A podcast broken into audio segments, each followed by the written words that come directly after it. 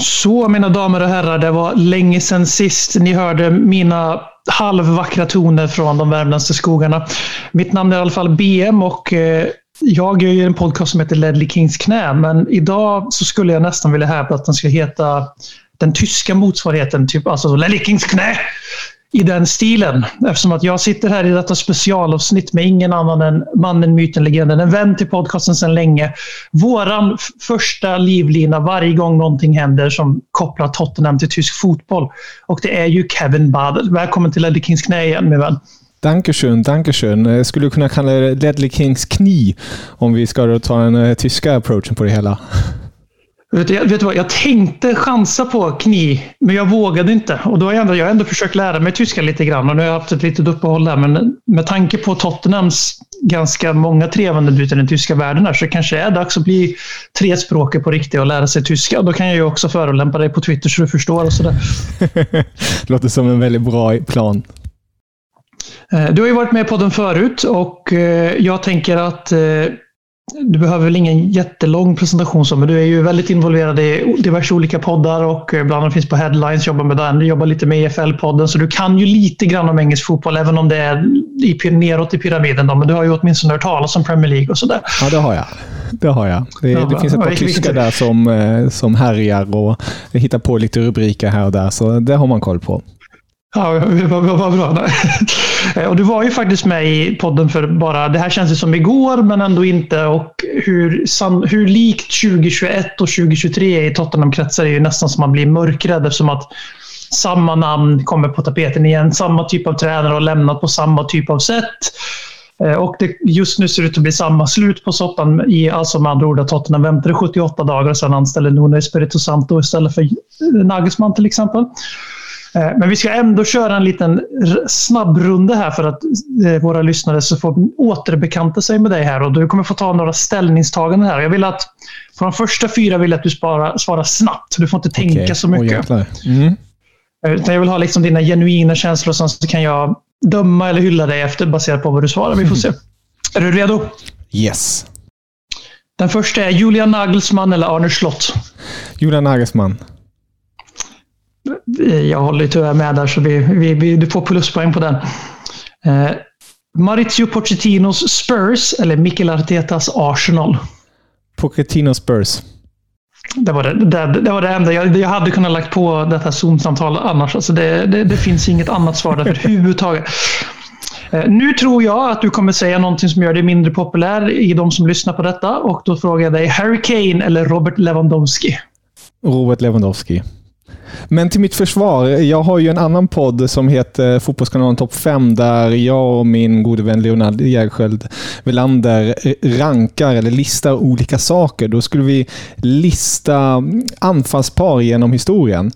Och Då tog jag faktiskt eh, ett, ett Spurs-par tillsammans. Då. Det var Berbatov och Robbie Keane. Eh, ja, titta. Alltså det är ju... Mm. Jag fick mycket skit för det, eh, för att folk hånade mig för att jag lämnade ett par andra minst sagt berömda anfallspar utanför den där listan. Men de letade sig in. Ja, men det, för mig, bästa anfallsparet som någonsin har spelat fotboll tillsammans i hård konkurrens med Jermaine Defoe och Peter Crouch. Eh, men eh, helt klart eh, Robbie Keane och Dimitar Berbatov. En Leverkusen-koppling där också som vi kan, förmodligen kommer att beröra senare också i avsnittet. Två poplag i Europa som är väldigt, enligt mig, beundransvärda på många sätt. Jag skulle personligen hävda att en av klubbarna är betydligt mer beundransvärd än den andra. Och därför så frågar jag dig, Freiburg eller Brighton? Freiburg. Bra, där är jag, jag är faktiskt enig med dig där. En av Europas absolut mest sympatiska klubbar eh, i mitt tycke. slutligen då, snabba svar. Jag, jag ger dig ändå starkt betyg hittills framförallt de här, att du tog Pochettino Spurs. Den var viktig. Men nu vill jag att du ska säga vad som är Tysklands fot fotbollsmotsvarighet till Tottenham Hotspur. Vilken klubb är liksom den tyska Tottenham? Oh, tyska Tottenham. Jag tänkte precis säga något taskigt. Ett lag som aldrig vinner. Um, alltså, Leverkusen då, Jag tänkte precis säga Neverkusen som de även kallas. Leverkusen då. Det, det, det finns ju likheter där. Um, leker lite i Europa då och då. Har en, en, en fin trupp har kapacitet att kanske uppnå lite mer än vad de gör i vissa lägen. Glattbach är också ett sånt där lag. De var ju stora förr på 80-talet främst då. Ehm, men i dagsläget skulle jag väl ändå, ändå slänga fram Leverkusen som väl kommer bli något form av central lag när vi tar oss igenom den här podden. Ja, absolut. Det, det, kommer de bli. Eh, det kommer ni förstå alldeles Men jag, håller, jag tänkte också, det är kul, för jag tänkte också antingen Gladbach, mer för den historiska mm. kopplingen, alltså de väldigt framgångsrika för Mer framgångsrika än Tottenham skulle man ju kunna hävda. Eh, ja, det var lite där det föll, sätt. tänkte jag. Eh, och sen så har vi, sen, jag kommer inte ihåg hur många de vann, men de vann väldigt många ligatitlar på 70-tal och så vidare. Så, och Tottenham har ju sitt 60-tal, absolut, men det är inte så många ligatitlar. Det vet jag för ett faktum. Eh, och sen är det ju Leverkusen. Eh, framförallt det här med att det är ju framgångsrika lag, men som går nästan hela vägen. Och vi såg, eller jag såg i alla fall, jag antar att du har koll på det också. Vi såg ju Xabi Alonso mm. pressa ner José Mourinhos Roma i skorna, men aldrig riktigt, inte få in bollen i i en match, i ett dubbelmöte som du absolut kan välja att tolka på det sätt som passar din agenda som fotbollstyckare. Eftersom att du kan säga på ett sätt att José Mourinho visade varför han är fortfarande läromästaren. Mm. Och eh, Alonso är adepten eftersom att eh, Leverkusen sprang och sprang och sprang men kom aldrig till målet eller vad man ska säga. Lite så. Eh, Medan jag såg som inte en stor Mourinho-sympatiker, eh, trots hans fina, fina 18 månader i Tottenham, så såg jag bara liksom en död fotboll där. Jag har, det slogs rekord i maskning och eh, det är ju bara, bara liksom att det är mycket lättare att vara destruktiv än progressiv i fotboll som gör att Roma går vidare enligt mig. Men samtidigt kändes det väldigt passande för just Leverkusen att det slutar så. Ja, det, det var ju extremt bittert. Jag hoppades väl, speciellt ur tysk synvinkel, för att det var det enda tyska laget som fortfarande var ute i Europa och mm. slog som någon titel. Men jag såg, jag tror det var Honningstein, eh, journalisten som la ut några minuter. Jag tror sammanlagt spelades igår runt 110 minuter med extra tiden och alltihopa mm. inräknad. Och av de 110 var det bara 54 minuter som var riktig speltid egentligen. Så när man, när man snackar om att på något vis slösa tid så, så vann de ju något form av guld igår. Ja, absolut. Och eh, Anledningen till att jag zonade in på den matchen och lite grann hoppades att du skulle nämna Leverkusen på den här frågan är ju för att i dagarna så gick ju Xabi Alonso ut och bekräftade att han kommer inte träna Tottenham Hotspur nästa säsong. Men mm. fram tills dess så var han ju ett alternativ på den här tränarlistan. Och det är det, en av anledningarna till att vi gör det här avsnittet är ju att det kommer kanske förhoppningsvis komma några avsnitt från Leddy Kings knä här i väntans tider på nästa säsong.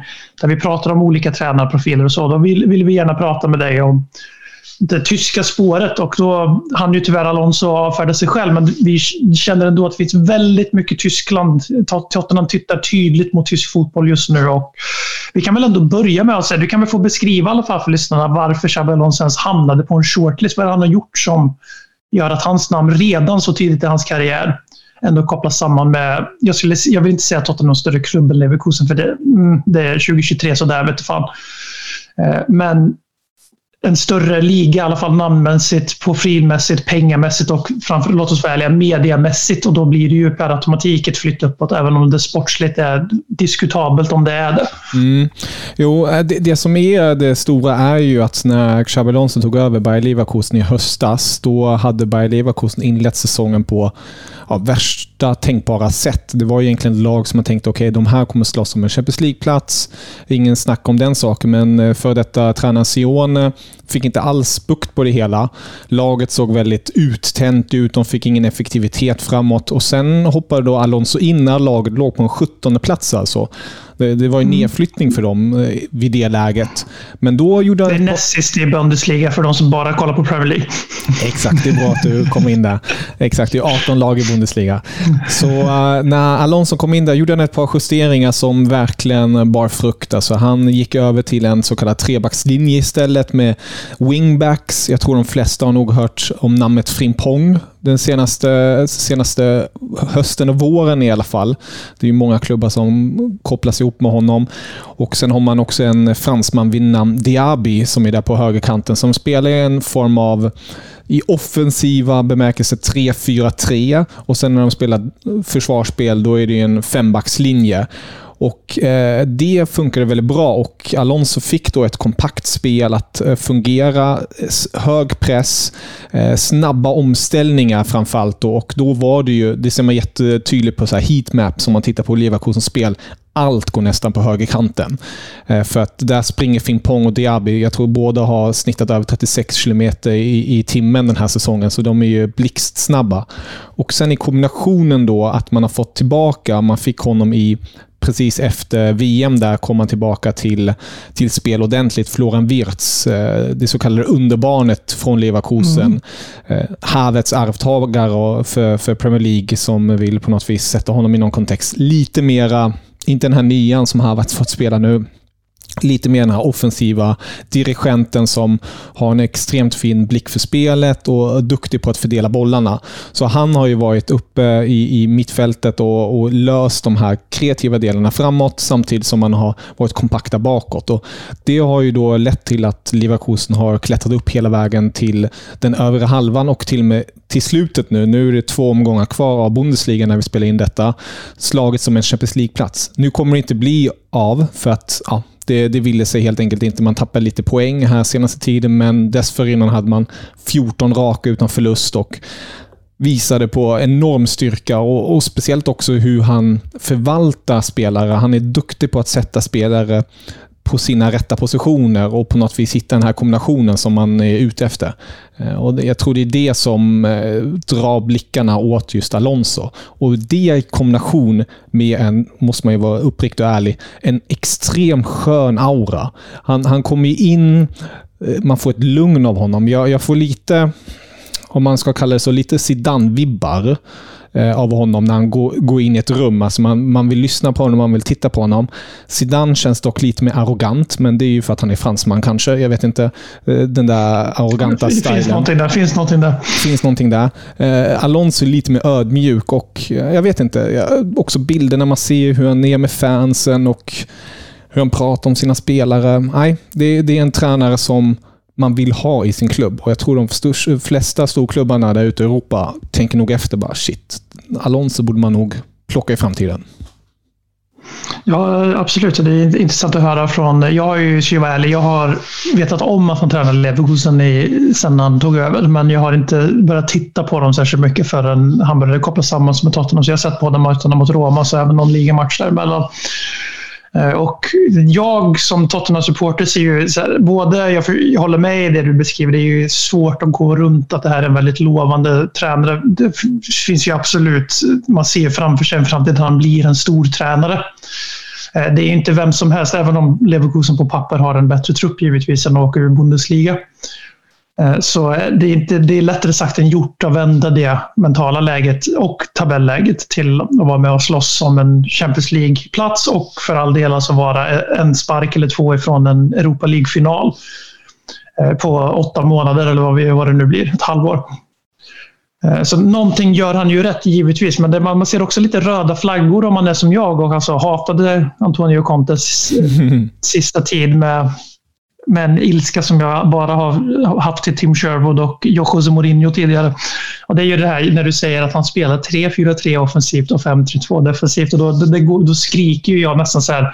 Jag får en Vietnam-flashback, PTSD i huvudet av att se Tottenham spela den fotbollen igen. Men eh, det ger ju ändå svar samtidigt på frågan varför man, förutom du lyfter, lyfter ju upp andra aspekter. Ung, lovande, har en aura, eh, ser ut att liksom vara...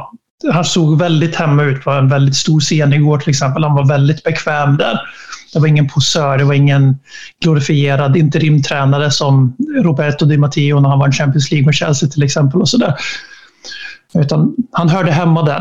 Han, man märker att det är han, hans klubb redan. Och eh, Samtidigt då en taktisk profil som passar nuvarande trupp som faktiskt har byggts om i Tottenham ganska mycket efter Antonio Conte, även om det inte lät så på honom själv. Så det leder mig ju lite in på en av männen som eventuellt kanske delvis mycket massor. Vi får se hur du värderar det här. Men en man som också har varit i Leverkusens sfär på senare tid, det är Tim Steiten. Mm. Staten, Stotten. Steiten. Timpa. Ja. Timpa, Timpa Estar. Han har... Det blir Tim Sherb, det gillar jag inte. Timpa Estar fick han ett minus direkt. eh, har ju alltså Jag vet inte, är han fortfarande i Leverkusen? Nej, han har han, lämnat. Han berättade i början av det här året, 2023, att han ville ha ett nytt äventyr. Eh, och mm. att han då ville lämna efter säsongen. Men på grund av att Leverkusen eh, såg då att det fanns ett form av intressekonflikt lite. Alltså, ska han stanna mm. kvar och se till, för att han var en sport coordinator, dessförinnan så head coach för Leverkusen. Så det var lite så här, känns lite märkligt att vi vet att han ska sticka och han ska värva spelare till oss. Så att de kommer överens av att vi, vi bryter det här fredligt och eh, enkelt. Eh, så han, är ju, han väntar ju helt enkelt på den nya säsongen och det har ju ryktats tidigare, har nämnts Spurs, det har också nämnts Newcastle, Monaco och Chelsea i, i förbifarten. Så det är ju en, en profil som eh, jag gissar på den större eh, större fotbollsfamiljen nog inte har talas om så mycket. Och Jag tror många i Tyskland heller inte har hört talas om honom så mycket. För det är en sån här klassisk figur som är bakom kulisserna, kulisserna. Alltså inte bakom den första kulissen, till och med den andra kulissen. Men han är ju en lirare som har upptäckt väldigt många spelare. Han är bland annat han som på något vis plockade fram Wirtz, han, han plockade fram Frimpong och Tapsoba till, till Leverkusen. Han tog också Hinkapi, mittbacken, till, till Leverkusen och när han var tidigare i Bremen löste han Ludvig Augustinsson och Serge Gnabry. Så det, det är en filur som har eh, gjort det väldigt smart och väldigt bra för sina respektive klubbar. Ja, absolut. Eh, han är ju definitivt det du beskriver, en person som man inte har koll på. Utan det är ytterligare en sån där person som jag läst på lite om efter att hans namn började nämnas i samband, samband med Tottenham. Och det är ju lätt att dra de här parallellerna. Att Steiten, Alonso, det är ett paket. Alltså det, det, det känns ju så ytligt när man tittar utifrån. Två Leverkusen-profiler väljer vi att säga lite slarvigt om båda mm. två. Eh, och så tänker man också, mm, där kanske finns en dörr till Nagelsmann för varför de är tyskar båda två basically. Eh, och så vidare. så vidare. Och det har ju varit liknande. Så vi har ju varit Frankfurtspåret i någon dag där. Vi hade Kroschne, eller Kroscher vad han heter. Marcus och Kroscher. även mm. Kroscher och sen Glassner. Mm. Uh, Glassner är, jo, det är visst Frankfurt, förlåt. Mm, tänkte Wolfsburg först, men det var nog Han innan. var Wolfsburg tidigare, helt rätt. alltså det, man, man, man parar ju gärna ihop så, för det är enda sättet för en så anglofil och en Tottenham-sektmedlem. Att det är så vi ser det, men du beskriver ju ändå en person här som i stort sett knappt har varit i klubben samtidigt som Alonso eftersom att Alonso kommer in i oktober och han lämnar i tidigt 2023. Så det går inte att dra den parallellen. Så man behöver inte utesluta Timpa S här bara för att Xabi nu stannar kvar. Nej, det tror jag verkligen inte att man ska utesluta. Det, det här är en, en profil som har gjort det, eller karaktär rättare sagt, som har gjort det på egen hand tidigare och inte alls i någon koppling till Xabi Alonso.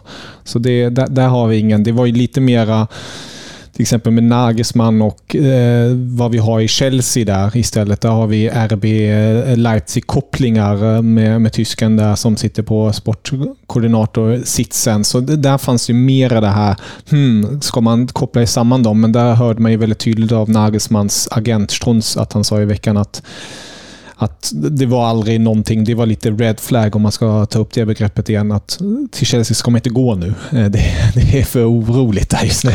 Pochettino, varför lyssnar du inte på Kevin? För, för fan! Uh, nej, men för att uh, det är intressant. Du kallar det för sportkoordinator. Är det, om du, uh, vad är det för typ av roll? Alltså, du beskrev ju någon som var med och plockade fram väldigt unga talangfulla spelare. Det ju, om det är någonting tysk fotboll är fruktansvärt bra på, för om vi glö, låtsas glömma bort att de är den överlägset största ligan med 50 procent och sådär. Och flera stycken klubbar som är helt medlemsstyrda. Alla de här grejerna som gör att jag borde vara en Bundesliga-supporter istället för Premier League, Exakt. men inte är ändå. Men det är ju att de är ju väldigt, väldigt duktiga på att ta fram, hitta och spela unga spelare. Det, engelska klubbar gör gärna bara en av tre eller två av tre på sin höjd. Eh, men eh, det har, om man läser kritiska röster om Tim här, så är det ju många som försöker tillskriva hans framgångar. De negativa Tottenham-supporter som vänder allting så att det är på något sätt klubben som gör fel. Har ju sagt att man borde gå efter Simon Rolfes istället för eh, Tim. Det någonting du, jag förstår att du sitter inte med på de här mötena Nej. i Leverkusen, men du kanske har någon koll på rollfördelningen mellan de här två herrarna? Alltså Simon Rolfes är sportchef, eh, så han är ju, om jag förstår det hela rätt, lite mer ytterst ansvarig på den där biten. Simon Rolfes har heller inte varit så länge på, på den sitsen. Eh, vi hade ju dessförinnan bland annat Rudi Föller i, i Bayer Leverkusen som både ikon men även som viktig del av ledningen. Men jag tycker Simon Rolfes gjort det väldigt bra. Ehm, det är många det, det, är ju det här klassiska som jag tror många andra klubbar försöker ute i Europa. I, I, Italien gör man det väldigt mycket. Man har gjort det nu till exempel i Dortmund igen med att ta gamla spelare. Sebastian Kiel, den gamla mittfältaren, är ju sportchef nu i Dortmund till exempel och Rolfes var ju mittfältare i Leverkusen. Så Rolfes har ju den starka kopplingen till klubben och gjort det väldigt bra. Och där har jag väl svårt att se att han skulle lämna klubben i dagsläget för att han håller verkligen på att bygga upp någonting eh, intressant och spännande. Eh, och klubben är honom närmare hjärtat än en som till exempel Tim Steiten som kom från Bremen eh, dessförinnan. För, det är ju yxan man använder för att hugga ner honom med att han är ju inte ens en sportchef. Det är väl typ en sportchef Tottenham söker samtidigt som man precis har rekryterat hos Scott Mann från City Football Group som ska vara i min tolkning här snarare den liksom huvud, alltså den fotbollschef helt enkelt, chef över fotbollen. Eh, och då tycker jag nästan att det låter som eh, Steiten skulle passa in i en roll under honom. För att det, han skulle inte ha det yttersta ansvaret utan han skulle då fokusera på spelarrekrytering känns det som. Om man Exakt, han var ju headcoach dessförinnan eh, i, i Leverkusen och då borde ju som sagt, ja, han borde kunna lösa den uppgiften utan några större konstigheter. Så, så, det blir ju liksom, det blir kanske inte Tottenham Neverkusen i en salig blandning här. Man slår ihop de två största, så som fotbolls-Twitter i alla fall vill ha det till. De största förlorarna i England och sen de största förlorarna i Tyskland i en salig massa. så man undviker ju då att ta in både Steiten och Alonso samtidigt, men man kanske plockar en av dem. Och sen är det ju så här, det är ju ett namn, det är ju den så elefanten i rummet. Vi kan inte komma ifrån det. Vi har gjort den här podden förut och vi har sagt de här grejerna förut. Jag har varit kär i personen förut och tränaren väldigt mycket förut och det är Julian Nagelsmann. Mm. Alltså den person som, den tränare som helt obegripligt för mig som utomstående får sparken om eh, Bayern München. Eh, för att, så som jag har läst mig till, att Manuel Neuer och Thomas Müller inte tyckte om honom. Och för att han åkte skateboard till träningen. Och motorcykel i centrala München. Eh, sen så öppnas ju liksom ett öppet mål för Tottenham att ta in Julian Nagelsmann när han, liksom, precis som du var inne på förut med hans agent, liksom bara, vi rör inte Chelsea ens med en tång för att det här är det hit karriär går för att dö just nu. Eh, man måste vara desperat att vara kvar i elitens elit för att ta Chelsea just nu. Mauricio. Eh, och eh, sen så helt plötsligt, när det känns som att det finns ingen konkurrens. Jag känner bara framför mig så att Nagelsmann kommer inte gå till Italien. Real Madrid verkar behålla Carlo Ancelotti. Men helt plötsligt så går Tottenham ut i en briefing och liksom matar våra klubbrepresentanter och media, mediepersoner framförallt med att nej, men vi, vill, vi vill inte ha honom, vi vill inte ens prata med honom. Vad var din spontana magkänsla, alltså din reaktion när just det kom ut? Att Tottenham säger liksom nej, vi är inte intresserade. Hur mycket trodde du på det, här skala 1 till 10? Jag trodde det var bullshit rent av eh, eh, sagt. Jag tycker det är väldigt märkligt på alla sätt och vis. Um, all respekt till Spurs. Det, det, det, är ju inte den största, största av klubbarna um, och jag kan tänka mig att Nagelsmann självfallet vill återgå till den största av största scenerna. Men jag har alltid tänkt på när Nagelsmann då fick lämna Bayern München att, att, att Spurs skulle vara en väldigt bra och intressant adress. Eh, även lite likt Chelsea, oroande. Man har ju alltid, hör alltid det där med Levi och att det, det händer alltid något tokigt. Men ändå lite stabilare med tanke på vad som händer just nu hos grannen Chelsea. Så jag tyckte ändå att fan, Spurs intressant. Han har egentligen inte så mycket att förlora på ett sätt, för att Spurs har inte vunnit så mycket de senaste åren. Och Om man bara skulle lösa någon form av titel eller någon form av avancemang i, i till exempel ligan eller därnäst Champions League, om man skulle nå det, så skulle redan det vara någonting och han skulle kunna bygga upp en, en repertoar mera. Nu är han ju, han är ju fortfarande väldigt ung, eh, men han har ju redan spelat i Bayern München, han har ju redan haft RB Leipzig dessförinnan, så det, det, det, är en tränare vi kommer se länge på den här stora scenen. Um, och Jag gissar väl på att Real Madrid är ju en sån där klubb som har knackat tidigare på dörren och lär komma att mm, knacka mm, igen i framtiden. Så om då borde det ju vara nu, kan jag tycka. För annars tar det nog en cykel till innan han är på den positionen att man skulle ta Spurs. Ja, det är ju tredje gången han kopplas samman med Tottenham i olika grad. Och eh, jag, jag, tror precis som du att det här 2023, 2021 då valde han ju Bayern München istället, vilket inte är särskilt konstigt på något sätt. Eh, och eh, nu fick man ju verkligen en öppen dörr att ta in den här blivande demontränaren. Alltså det, det här är ju Alltså han är en talang utöver det vanliga. Han var 35 nu och han har varit i tre klubbar i Bundesliga. Gjort det. Ja, okej, okay, Bayern München kanske inte har växlat upp flera steg sedan de tog över dem. Men de hade ju vunnit ligan. De åkte ut i alla kupper direkt efter att han lämnade. Mm. Och allt Om, möjligt. Så liksom, och där ska man ju verkligen säga, understryka, att det, det, det har hänt så mycket i så kallad FC Hollywood det senaste året som, som det går knappt att ta in så mycket information känns det som. För att Självklart, Nagelsmann är ytterst ansvarig för det, för det sportsliga som händer på planen. Men det är så många beslut som har tagits längs vägen som är så märkliga, som har gjort det väldigt svårt för Nagelsmann att på något vis eh, lösa det sportsliga på bästa möjliga sätt. Han har ju självklart haft fantastiska spel till förfogande, men samtidigt kan man ifrågasätta strukturen och alltihopa. Säljer en Robert Lewandowski, då får plötsligt sportchefen Brasso erbjudandet att värva en superstjärna i Sadio Mané, som egentligen inte ens behövs i truppen.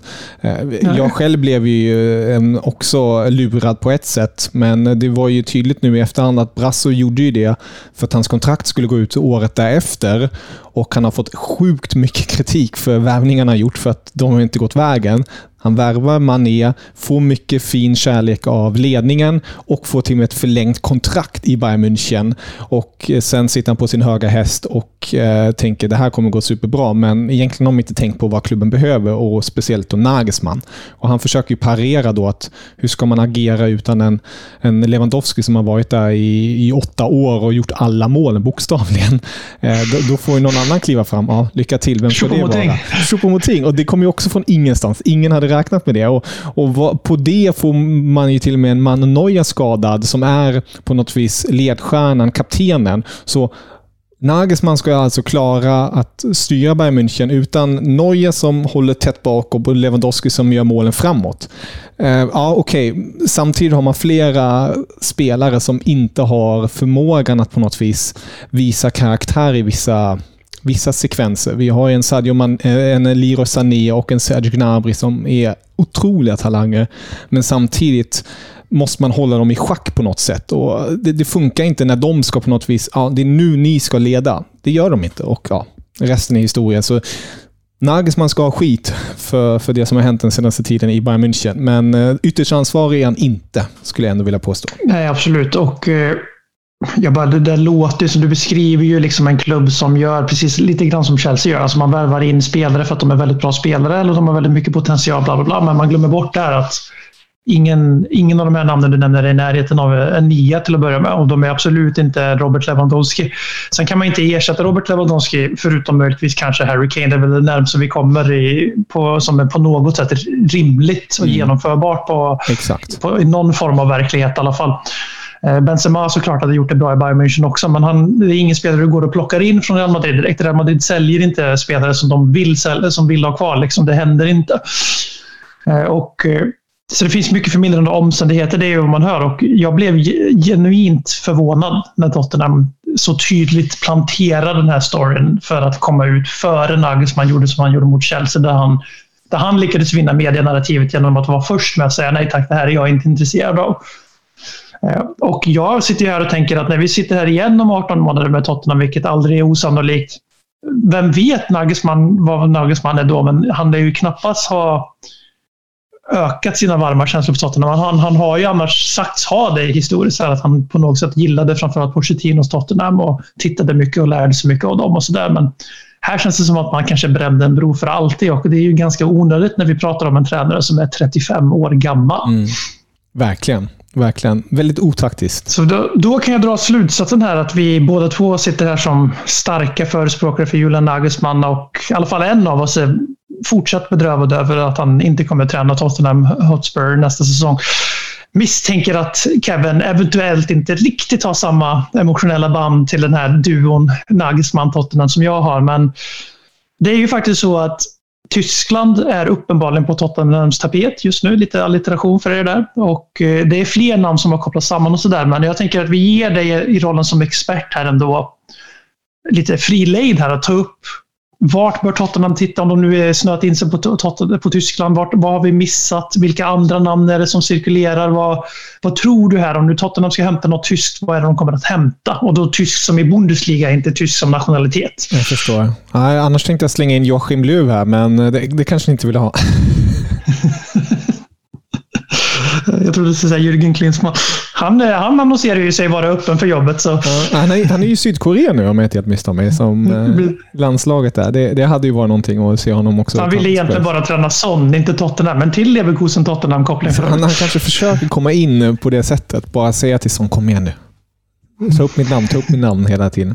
Nej, men det finns ju flera tränare som är på fria marknaden nu fortfarande, men det är en tränare som kommer gå på fri marknad nu efter säsongen. Det är, vi har nämnt honom lite kort tidigare. Det är Oliver Glasner. Uh, inte tysk, österrikare, men tränar ju Eintracht Frankfurt i dagsläget och det är väldigt tydligt. Tysk med andra ord. Tysk med andra ord. Uh, det, det, är väldigt tydligt. Uh, klubben har ju redan gått ut och sagt att han kommer lämna efter den här säsongen. De ska ju bara spela de sista två ligamatcherna och sen ska de spela en cupfinal mot RB Leipzig och sen är adjö för hans del. Och Han är ju en tränare som tycker jag är väldigt duktig på att eh, på något vis använda det materialet som eh, finns där. Inte den klassiska, jag kommer in och så vill jag värva in 25 spelare. Jag tycker ändå att han har förvaltat det som Frankfurt har på ett väldigt bra sätt. Vunnit Europa League med dem och nu har han chansen att vinna tyska kuppen med dem till och med. Och Det är bara på knappt två säsonger. Så det är ett namn som jag har tänkt på en del. Sen är det ju självfallet, alltså om man ändå ska gå på mera så kallade tyskspår eh, är det ju Adi Hütter, men då kliver ner ett par snäpp tycker jag i den här så kallade tränarhyllan. Eh, Adi Hütter är ju före detta tränare i Gladbach till exempel, eh, också i Eintracht. Gjort det rätt så bra tidigare, men jag vet inte om han håller riktigt för det som Spurs vill åstadkomma. Sen tänkte jag mycket också på en annan österrikare. Många österrikare här. Eh, det, det är Ralf Hasenhüttel. Eh, han, han gjorde ju någorlunda bra vissa perioder i Southampton som, som ni har betydligt bättre koll på. Men eh, sen sist gick det ju inte riktigt vägen och det fanns ett par 7-0 förluster och sådant också i bagaget. 9-1 och... Exakt, lite, lite sånt. Eh, men det är ändå en tränare som jag tycker är eh, kapabel till att göra lite. Men eh, i dagsläget, om man ändå tittar till titlar, tittar till vad man kan göra på, på ett effektivt sätt så tycker jag Oliver Glasner är ett namn som, som bör nämnas. Dock har han ju både skilt sig från sina två senaste klubbar, nu Eintracht inräknat Wolfsburg dessförinnan, genom att ha disputer med ledningen. Uh, och, och det, det känns ju som att ni har haft det tillräckligt mycket den senaste tiden. Ni behöver mer en tränare som kommer in och kan klappa smedhårs och um, på något vis bara fokusera på det sportsliga och, och tackar och tar emot helt enkelt vad man får. Eller? Ja, ja, det är ju väldigt tydligt att det är den till slut den vägen Tottenham har valt att gå. Pochettino var ju så framgångsrik så att han fick mer att säga till om i klubben. Han var i stort sett director of football slash head coach samtidigt i slutet, om man ska tro rapporteringen i alla fall. Eh, och sen efter det har det varit två eh, extrema kravställare och så Nuno Espirito Santo som var riktig, eh, vad ska man säga, company man i, däremellan. Eh, och man behöver hitta en happy middle ground här med någon som både ställer krav men som också faktiskt är en tränare i grunden och inte har några någon som är van med att ha en sportsligt ansvarig ovanför sig i hierarkin som börjar bli rätt spretig i Tottenham kan jag ju säga, vilket är ganska typiskt för så kallade storklubbar att man har en hierarki som är så spretig så det är omöjligt att veta vad man ska fråga om vad man får till lunch. Liksom. Eh, för man ska mejla någon som mejlar någon som mejlar någon. Eh, och eh, man, men man behöver en tränare som är van vid att mitt jobb är att utveckla det jag har. Jag får lämna en lista, jag, får, jag blir tillfrågad de här tre spelarna tittar vi på på den här positionen. Om du fick, kunde välja vem, en av dem, vem skulle du ta? Vilken ordning skulle du ta dem? Och sen oavsett vilken det blir så gör man det bästa av situationen. Alltså en utvecklare, en up and comer. Och Glasner säger inte att han inte är något av de här sakerna, men om, om det ändå slutar så som det har gjort för honom i de här klubbarna så kan jag se, verkligen se framför mig hur det kan sluta i Tottenham. Eh, men det är faktiskt två andra namn som är olika. Först var det Marco Rose det var ju för några år sedan då var han på tapeten, men han kommer inte röra på sig det närmsta taget, eller? Nej, det känns inte som det. Han är ju en Leipzig-pojke och är nu tränare för RB Leipzig. Eh, och nu har han inte haft den bästa säsongen det senaste året, men eh, jag tror ändå att han, han är rätt så bekväm där han är och han har fått en ny sportchef i Max Ebel. Så det, det är ett projekt där som har nu satts på något sätt fart i det hela. Så eh, Marco Rose tror jag inte kommer röra på sig.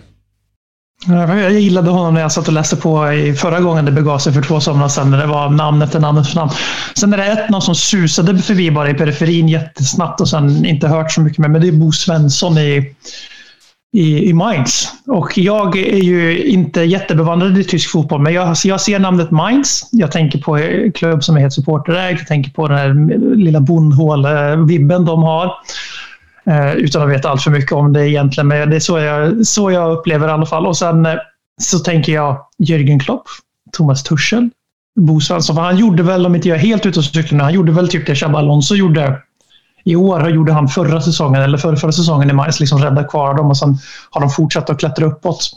Alltså, eh. det, det, det Bosse Svensson har gjort i, i Mainz är uh, verkligen eloge, stor eloge. För där snackar vi om en klubb med inga resurser alls och flera stora spelare, eller stora spelare i deras mått mätt, som har lämnat klubben och ändå har de lyckats vara där uppe och gnabba som en Europaplats. Nu har luften gått ur lite nu den senaste tiden, men Nej, det, Bo Svensson är ett namn i Tyskland som alla snackar om att han kommer träna en större klubb eh, inom den snaraste framtiden.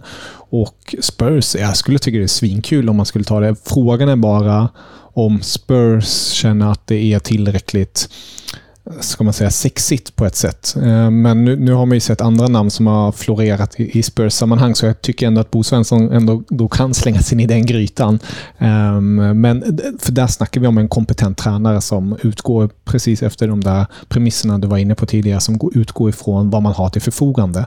Och han har en tydlig spelidé, han, han är väldigt säker i sin sak och han har ju koppling till både Torshäll och Klopp och eh, en, en, en, vänskap där och har inspirerats eh, som tidigare spelare för Mainz när han var där också. Så det, det är verkligen en tränare som jag tror på i längden också.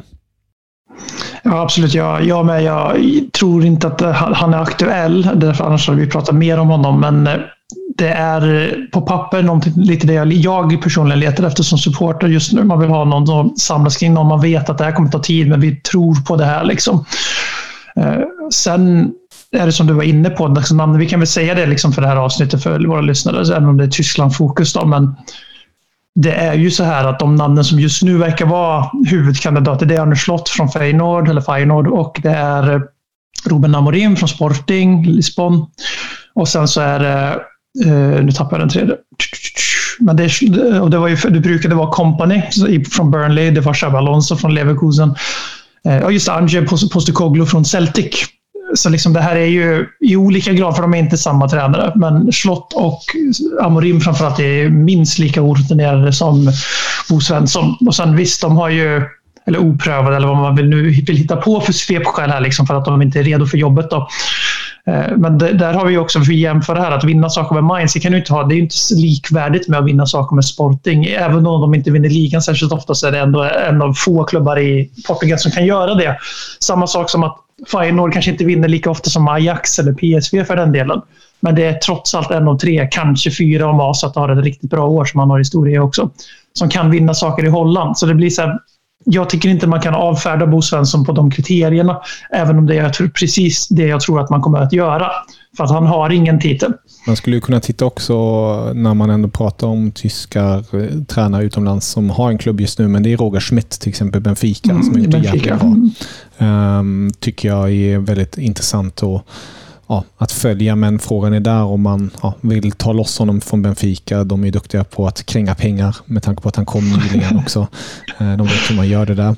Eh, så eh, jag vet inte. Det, det, det, är en lurig sits för, för Tottenham på många sätt och vis. Jag såg nu också i flödet att Raúl kommer att lämna Castilla förmodligen för att, inte fin, för att han inte finns med utvecklingsmöjligheter. Så jag väntar ju bara på att Spurs ska eh, klickas in på den bocken också och ta in en för detta legend. Hon, därför, därför får vi en liten spaning här också i avsnittet. Eh, att eh, Raúl kommer att kopplas samman med Tottenham. Men vet du vad, jag, jag, tror att du, det är låga odds på att eh, du kan hämta hem den så att säga om några dagar. Att det kommer finnas källor av diverse kredibilitet som kopplar samman Tottenham och Raúl. För det, det, finns ju som du säger, det finns ju inte så lite. Det finns ju två spår här. Det finns ju stort namn på grund av spelarkarriär främst. Låt oss vara ärliga. Det gäller både Xabi Alonso men framförallt Raúl i det här exemplet. Eh, och så, men sen så finns ju det här unga progressiva, eller unga i formen av antal år i europeisk toppfotboll. För att Anje Postecoglou har tränat ganska länge i, utanför Europa. Så, där, men, eh, så det finns ju två linjer här och det är väldigt Tottenham. Att det finns två linjer. Det finns ena listan som är Pochettino-kloner, 2014-versionen. Och sen så finns det alltid den andra listan som är vad är det största namnet? Och Det är därför jag avrundar den här podcasten med att säga att som jag tror att du kommer hålla med om, vi får se. Men det är så att det fanns ju ett namn som hade vänsterfoten i ung, lovande, kan, kommer fortfarande utvecklas, kommer växa med klubben. Och så ena benet, alltså högerbenet, i andra så här, stort namn, varit på toppen, vet vad, vad som händer och vad som, hur mycket det kan blåsa. Och det var ju Julian Nagelsmann. Eh, men den båten har förmodligen lämnat hamnen för sista gången i Eh, före han blir Antonio Conte och José Mourinho om 10-15 år och han är egentligen det bäst före-datumet passerat. Då glider Julian Nagelsmann in i Tottenham sisådär 2032, 35 eh, och ställer massa krav, spelar destruktiv fotboll för att han har, fotbollen har utvecklats förbi honom. Alla spelar 2-6-2 eller något sånt där spännande. Eh, och han hänger kvar i sin flexibla taktik och är för gammal, för slut och för grinig. Och då kommer sonen äntligen hem. Det, det, det låter som en, eh, en bra film. det låter som en bra film. Eh, vi tackar så jättemycket Kevin för att du ställde upp på det här och eh, jag vill att lyssnarna faktiskt ska veta att det här avsnittet hade inte skett för huvudtaget utan det. För du kommer även fixa så att det här kommer ut i eten åt oss. Så boomer är BM och vi vill sätta ett stort tack och vi kommer säkerligen ha anledning att höras igen i Leddy Kings. Men tack så du ha. Dankeschön. Det var ett sant nöje att få gästa igen. Tack så